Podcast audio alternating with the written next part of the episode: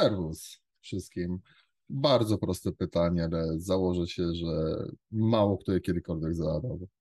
Czy lepiej suplementy stosować solo, czy w wersji multi? I to jest pytanie, które pada. I tutaj padnie odpowiedź, która najczęściej pada na studiach MBA.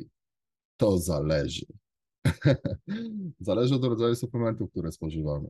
Na przykład, jeżeli weźmiemy podamy dwa minerały o, podobnej, o podobnym rozmiarze jądra, prawda, które będą konkurowały te same przekaźniki, no to będą konkurowały. Nie można ich podawać razem, no bo coś przez receptor musi przejść, prawda? Także wejdzie raz jeden, raz drugi tak jak mamy receptor w mózgu przeciwzmęczeniowy, gdzie tryptofan wchodzi na zmianę z innymi dużymi, e, średniej wielkości, dużej e, wielkości neutralnymi aminokwasami. Wchodzi raz tryptofan, raz coś innego, raz leucyna, raz tryptofan. Jak zwiększymy ilość aminokwasów rozgałęzionych na przykład, albo egzogennych, tryptofan będzie wchodził rzadziej. Jak będzie wchodził rzadziej, będziemy mieli niższy poziom serotoniny, wyższy dopaminy i będziemy się czuli niezmęczeni. E, to tak w skrócie. Ale na przykład już dwa aminokwasy, arginina i cytrulina, powinny podane być razem.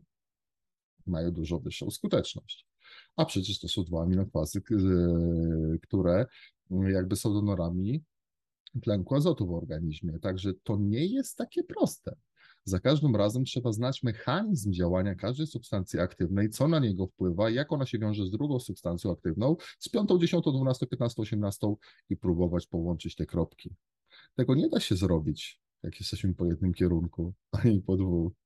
To trzeba wiedzieć, znać biologię komórki, wszystkie szlaki e, metaboliczne, całą biochemię, całą biofizykę, fizjologię, toksykologię, co jest czym sprzęża, sprzęgane, jak wydalane, kiedy, jaki jest okres współtrwania, co jest gdzie wchłaniane, może już w jamie ustnej, a może dopiero w jelicie czczym albo krętym, jak aminokwasy, prawda?